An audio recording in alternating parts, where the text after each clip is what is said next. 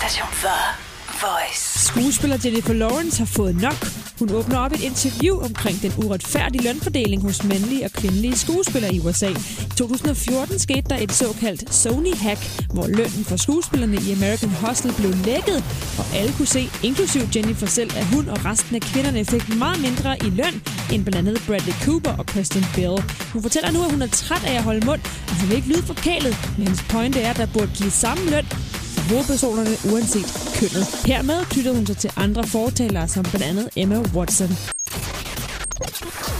Det er blevet mere og mere moderne at have store og kraftige øjenbryn, og trenden stammer fra modellen Cara Delevingne, som efterhånden har gået for alle de store modmærker og betragtes som en af de største modeller lige nu. Men hun afslører, at da hun var yngre, overvejede hun flere gange selvmord og havde flere depressioner, som hun fik medicin for.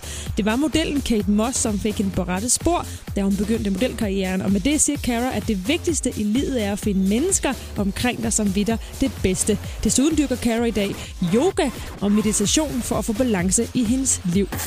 Nu er der snart American Music Awards, hvor Taylor Swift blandt andet er nomineret, og vi må da håbe for hende, at hun med alle hendes nomineringer hiver nogle statuetter med hjem.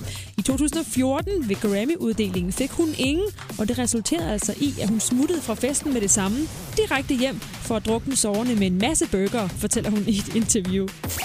Khloe Kardashian og basketballspiller Lamar Odom har tidligere været gift, men de seneste par år er der gået mere og mere ned ad bakke for Lamar. I går hoppede Khloe, hendes søster Kim og mor Chris på et privatfly for at skynde sig til et hospital, hvor Lamar blev indlagt efter han har ligget bevidstløs. Chloe er fuldstændig ude af den og har stadig tider, hvor hun vil ønske, at de stadig var gift. Men grundet hans psykiske tilstand har hun altså måttet tage afstand.